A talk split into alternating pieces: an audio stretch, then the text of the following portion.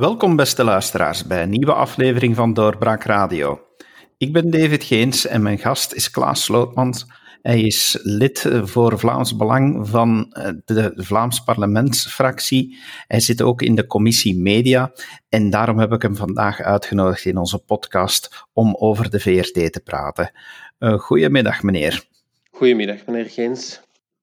Meneer Slootmans, de VRT is natuurlijk uh, heel hard besproken de laatste dagen, de laatste weken zelfs. Ze zit in bijzonder woelig vaarwater. We hebben het de laatste tijd ook vaak over de beheersovereenkomst die in ontwerp is. En die uh, moet uh, ja, klaargestoomd worden voor de toekomst van de VRT. Als we nu even naar die overeenkomst kijken, ziet u daar dan dingen in waarvan u zegt, dit gaat echt de verkeerde kant op? Wel, het is zo dat er momenteel alleen nog maar een draft in omloop is, uh, waarvan wij alleen de reflecties hebben gezien in de pers. wij mogen die als parlementslid pas inkijken, eens die definitief zijn. Maar uh, als gevolg van een aantal lekken weten we daar wel al een aantal zaken van.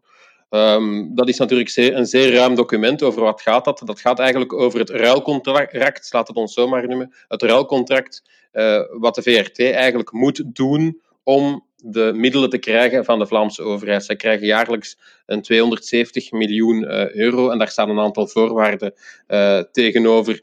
Bijvoorbeeld op het vlak van onpartijdigheid stel je vast dat men ja, daar wel verder op wil gaan inzetten. Hè. Dus men wil een absolute onpartijdigheid genereren. Als je de beheersovereenkomst doorneemt, dan komt dat woord onpartijdigheid daar 27 keer in aan bod.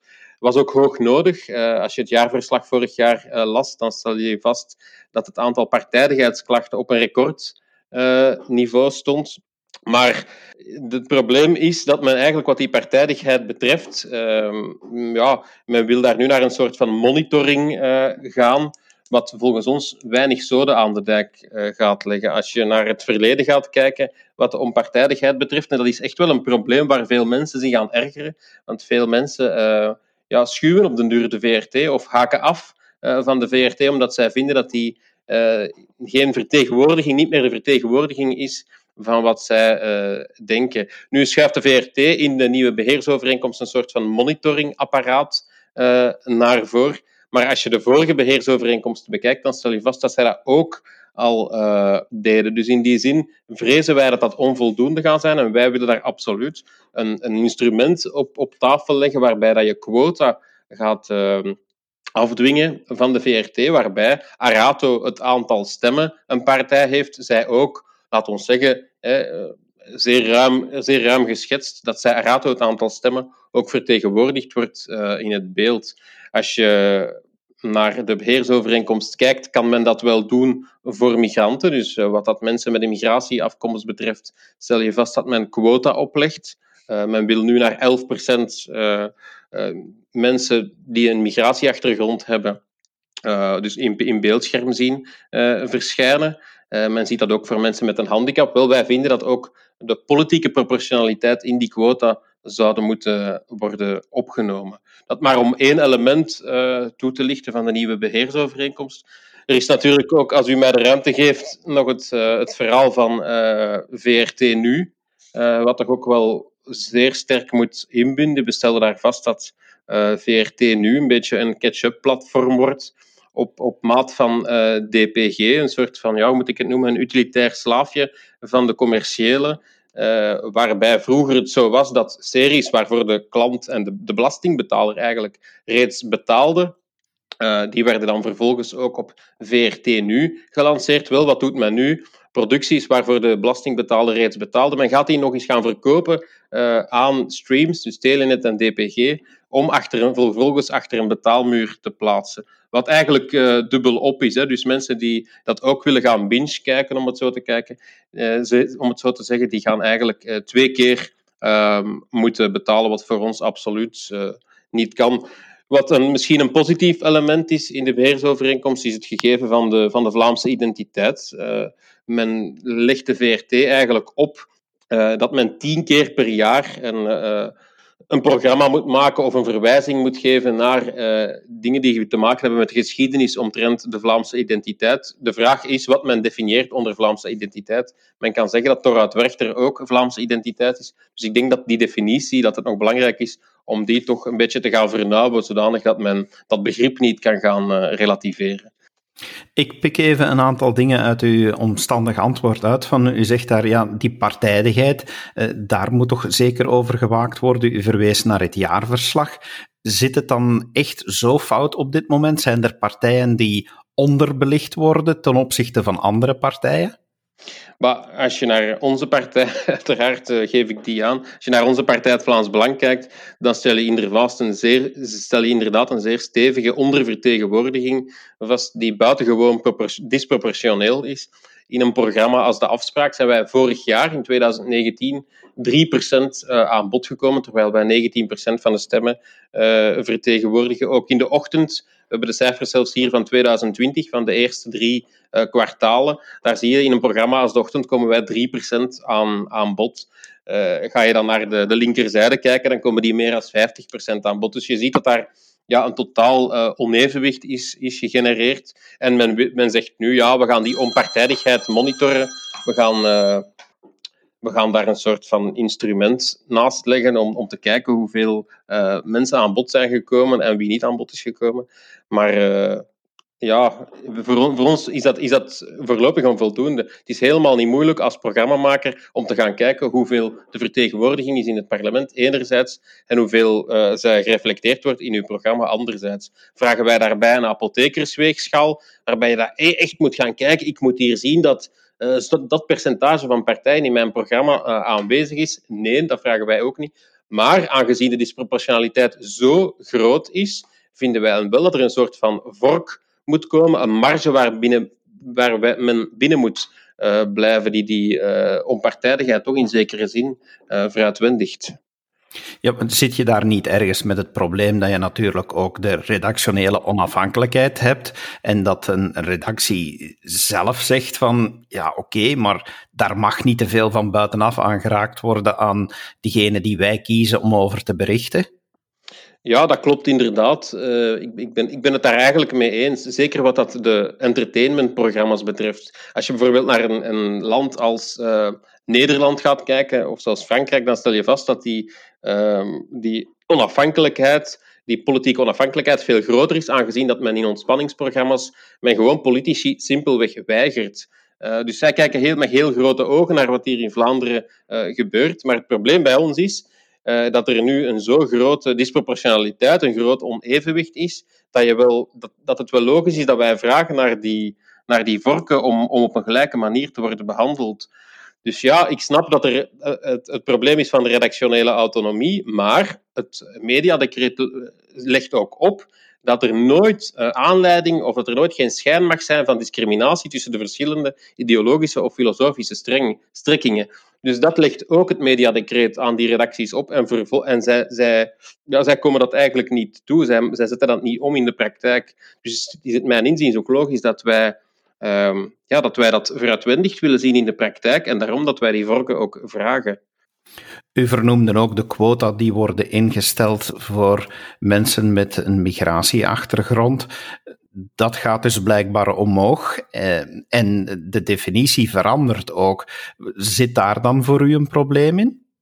Ja, het is inderdaad wel dus zo dat de quota die zullen worden verstrengd in de draft die momenteel naar buiten is gekomen en dus in de pers is verschenen. Vroeger was het zo dat er een schermaanwezigheid moest zijn van uh, mensen met een migratieachtergrond van 7,5%.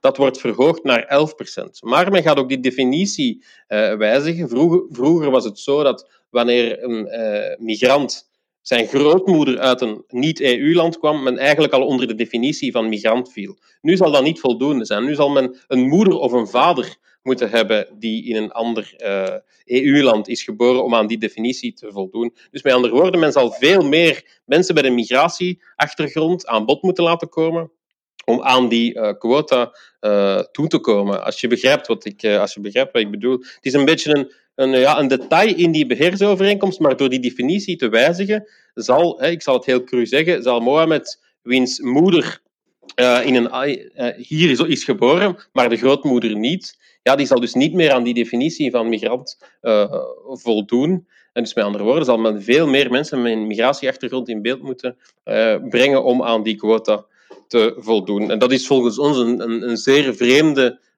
definitie waar duidelijk een politieke agenda achter zit.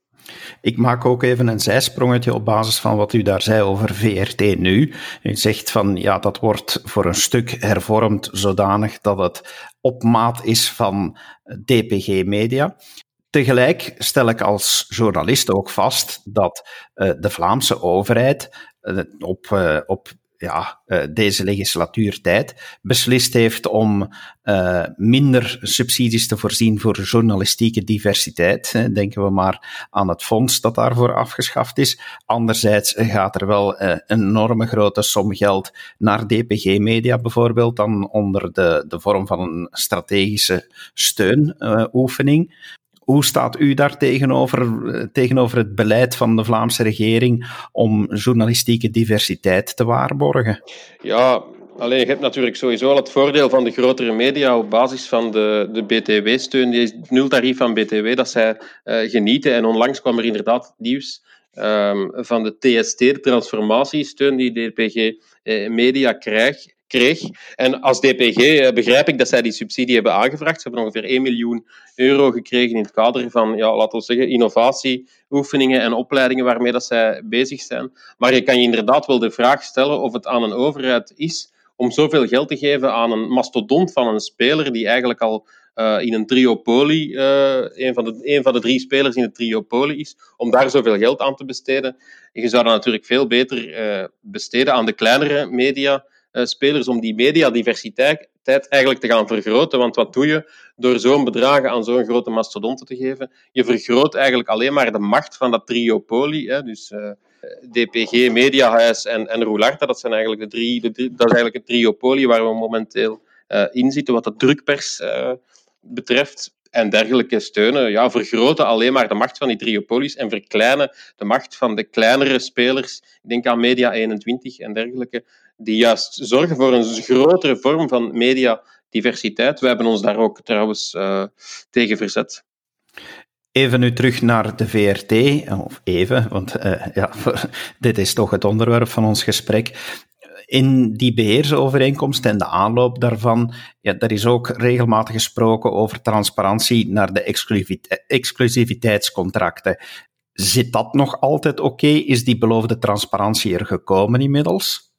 Ja, dat is inderdaad een, een, een goede vraag. Uh, zowel in de resolutie die de meerderheid heeft gestemd, als ook door verklaringen, door onder andere bijvoorbeeld uh, mediacommissielid van de NVA, Marius Meremans, die aangaf die exclusiviteitscontracten aan de Tom Wazen en de, de van deze wereld en de Jeroen Meussen van deze wereld, hoeveel krijgen die om, om daar in de potten te roeren? Men beloofde daar totale transparantie in. Men verwees onder andere naar de BBC, maar ook in, in Nederland uh, kan jij gewoon in de jaarverslagen lezen hoeveel die mensen uh, jaarlijks verdienen. Bij ons is dat dus niet zo. En als je de draft van de beheersovereenkomst bekijkt, of wat er tenminste al van naar buiten is gekomen, uh, dan stel je vast dat men die transparantie dus niet zal geven. Ook de CEO uh, de Laplace die gaf aan dat die transparantie er zou komen om de cowboy-verhalen, zo noemde hij, uh, die de wereld uit te helpen. Maar bon, tot nader order blijkt dus dat die er niet zal komen en dus de, de vreemde constructies misschien zelfs zullen blijven bestaan.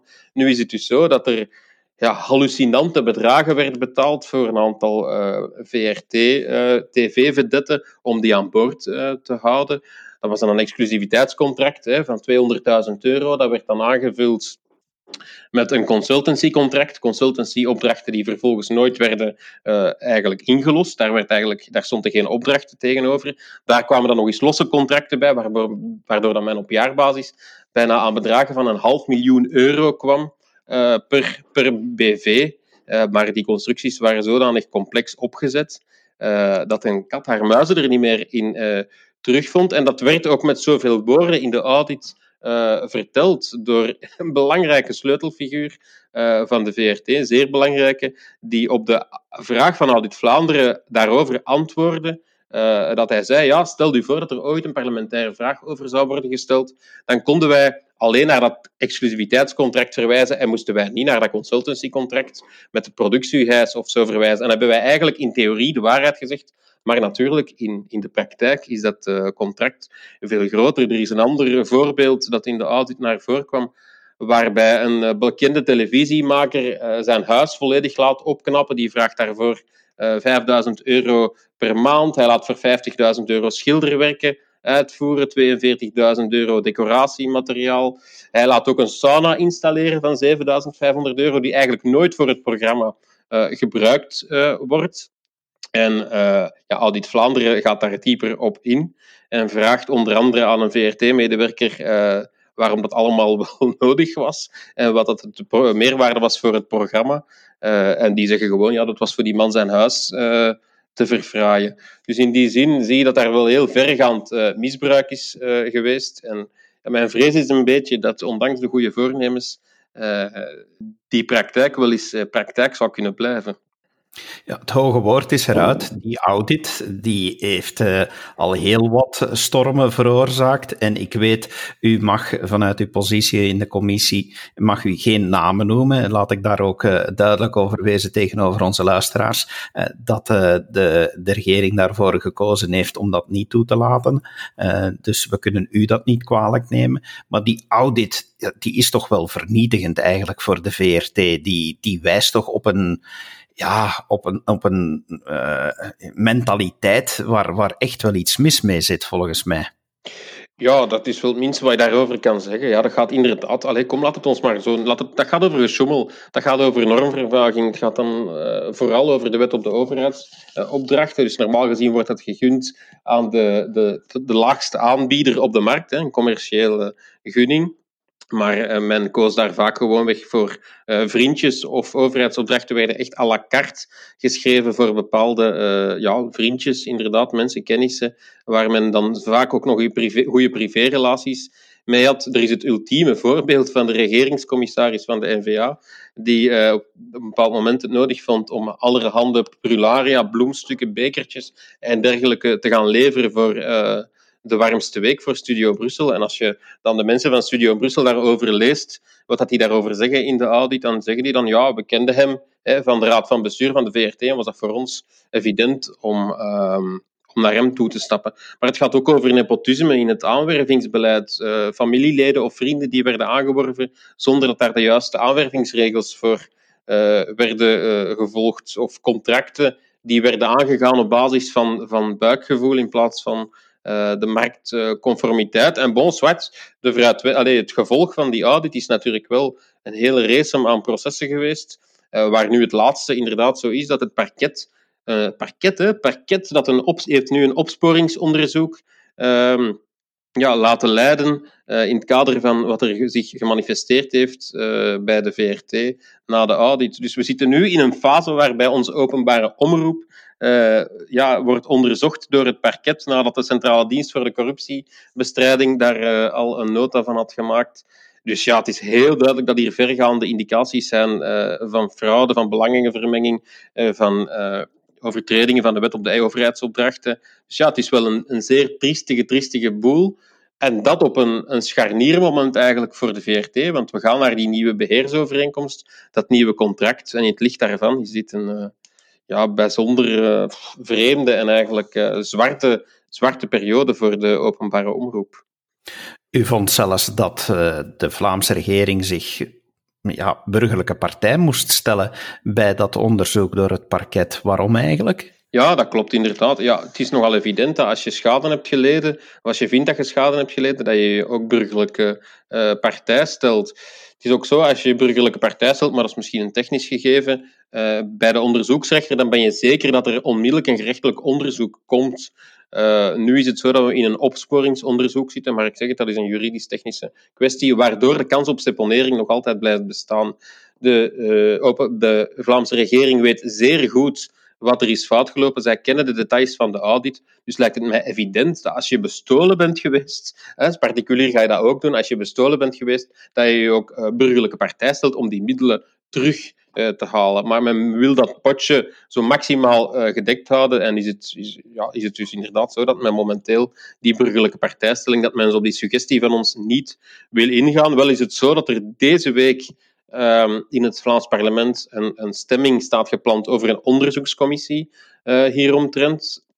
Want bijvoorbeeld Audit Vlaanderen heeft zelf aangegeven dat ja, wat zij naar buiten hebben gebracht, dat dat een zeer beperkt, uh, beperkte rijkwijde had. Dat, eigenlijk, dat zij niet kunnen garanderen dat er zich geen onregelmatigheden voordeden uh, in andere dossiers of processen bij de VRT. En zij, zij, zij geven zelf aan dat er eigenlijk een ruimere analyse nodig is um, om, om de malversaties bloot te gaan leggen. Hè. Dus ja, dat is heel belangrijk dat die er zou komen, die onderzoekscommissie. Maar bon, gevreesd wordt, aangezien de vraag van de oppositie komt, dat de meerderheid uh, ze, zal, ze zal wegstemmen. Vindt u dat er veel fouten liggen bij de Raad van Bestuur die politiek samengesteld is? Maar het is zo dat de Raad van Bestuur inderdaad normaal gezien moet uh, oordelen over uh, de gedelegeerde bestuurder en het remuneratiecomité. Het remuneratiecomité is een deel uh, van de raad van bestuur. Die moeten oordelen over het directiecollege. En wat blijkt, hè, ik weet dat dat allemaal moeilijke termen zijn, wat blijkt dat er een nota is opgesteld geweest door de leden van het directiecollege, exclusief Peter Klaas, dus van media en productie, waar heel wat problemen zijn bij vastgesteld. Die zijn overgemaakt aan de voorzitter van de raad van bestuur. Uh, met de vraag om, om de directeur media en productie te ontslaan. Maar de, um, de, de, voorzitter van de Raad van Bestuur heeft dat op een bijzonder vreemde wijze geacht dat dat onontvankelijk moest worden verklaard, omdat hij vond dat leden van het directiecollege zich niet mochten wenden tot, um, de, tot de Raad van Bestuur, dat dat een, eigenlijk een exclusief exclusieve taak was van de gedelegeerde bestuurder, zijnde Paul Lembrechts. Maar het was wel degelijk Paul Lembrechts die dat dossier van het directiecollege had overgemaakt, maar uh, zei Van den Brande, ja, dat is misschien wel waar, hij heeft dat wel gedaan, maar hij had daar dan zelf een synthesenota van moeten schrijven, want dan kon het echt als een document van uh, de CEO van de gedelegeerde bestuurder worden beschouwd en niet van het directiecollege. Dus men ziet, die man heeft daar een bijzondere, spitsvondige uitleg over bedacht om toch maar niet te moeten rapporteren aan zijn raad van bestuur. Dus het is heel duidelijk dat die raad van bestuur in het ongewisse is gelaten over wat er zich uh, binnen de VRT afspeelde en via, ja, bij bepaalde diensten afspeelde. Dus het is heel duidelijk dat de voorzitter van de raad van bestuur, Luc van den Brande, hier immens grote fouten heeft gemaakt cruciale informatie heeft achtergehouden voor zijn raad van bestuur. En in die zin is volgens ons zijn, zijn, zijn werking ja, volledig uh, gehypothekeerd naar de toekomst toe. En zou die man uh, de eer aan zichzelf moeten, moeten houden. Hè. Maar dat doet hij niet. Hij wordt gedekt door de meerderheid. Het is ook zo dat het heel duidelijk is dat de NVA dat nu niet wil gaan oppoken, omdat zij de volgende voorzitter van de Raad van Bestuur gaat leveren. En dus ja, nu zie je op het, echt het partijpolitieke terrein dat dus duidelijk implicaties heeft op de werking van de VRT. En ja, in die zin is de politisering van de VRT eigenlijk groter dan ooit. De VRT, eh, u, hebt het ook al gezegd in het begin van ons gesprek, hij moet natuurlijk waken over onpartijdigheid. Eh, daar is, eh, daar is sowieso veel sprake over. Er wordt ook vaak gediscussieerd over van wat partijen en politici in het nieuws brengen. En ik maak nu even een zijsprong, maar ik ben benieuwd naar, u, naar uw mening. uw collega's van SPA die hebben een voorstel dat fake news moet aangepakt worden onder parlementsleden. Eh, hoe voelt u zich daarbij? Van, is, is dat iets waarvan u zegt van ja, dat is een goed voorstel of dat is helemaal van de pot gerukt? Ja, ik, uh, ik, u kent het boek uh, van George Orwell wellicht. Uh, ik, als ik het voorstel las van de SPA, dan vind ik me helemaal in de praktijk van dat boek. Ik denk dat men inderdaad zich hier op zeer glad ijs begeeft. Men wil een soort van ja, ideologische commissie gaan in, het, in in de praktijk brengen, een soort van gedachtepolitie, waar dat eerst een burger een klacht kan indienen en vervolgens een partijpolitiek orgaan na een advies van een factchecker eigenlijk gaat oordelen over ja, sancties van een parlementslid. Hoe dat sancties er dan moeten uitzien, dat hebben ze zelfs nog niet uh, toegelicht, maar dat kan ja, volgens mij zeer vergaand gaan. Hè. Uh, dat kan over het sanctie gaan in het kader van het, van het pecuniaire, het ontslag, ik weet het niet. Maar het komt er wel alleszins op neer dat parlementsleden uh, zullen worden veroordeeld op basis van van hun opinie. Dat, net datgene waar, ze, waar zij voor, voor verkozen zijn. Dus het heeft zeer grote DDR-trekjes. Uh, en ik vind het ja, een, een, een wansmakelijk idee dat politici bij meerderheid over een minderheid gaan oordelen uh, op, op, op basis van hun opinie. Ik kan mij voorstellen dat er op, op, op een bepaald moment retorische overdrijvingen zijn. Uh, ik, ik, heb het u al honderd keer gezegd. Dat, is dat dan, is dat dan, wordt dat dan ook geclasseerd als fake news?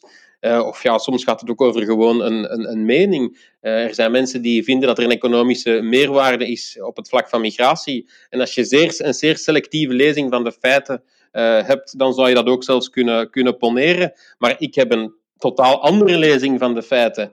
Dus in die zin zie je, je dat daar, zie je dat daar feiten en opinies soms wel eens door elkaar stromen.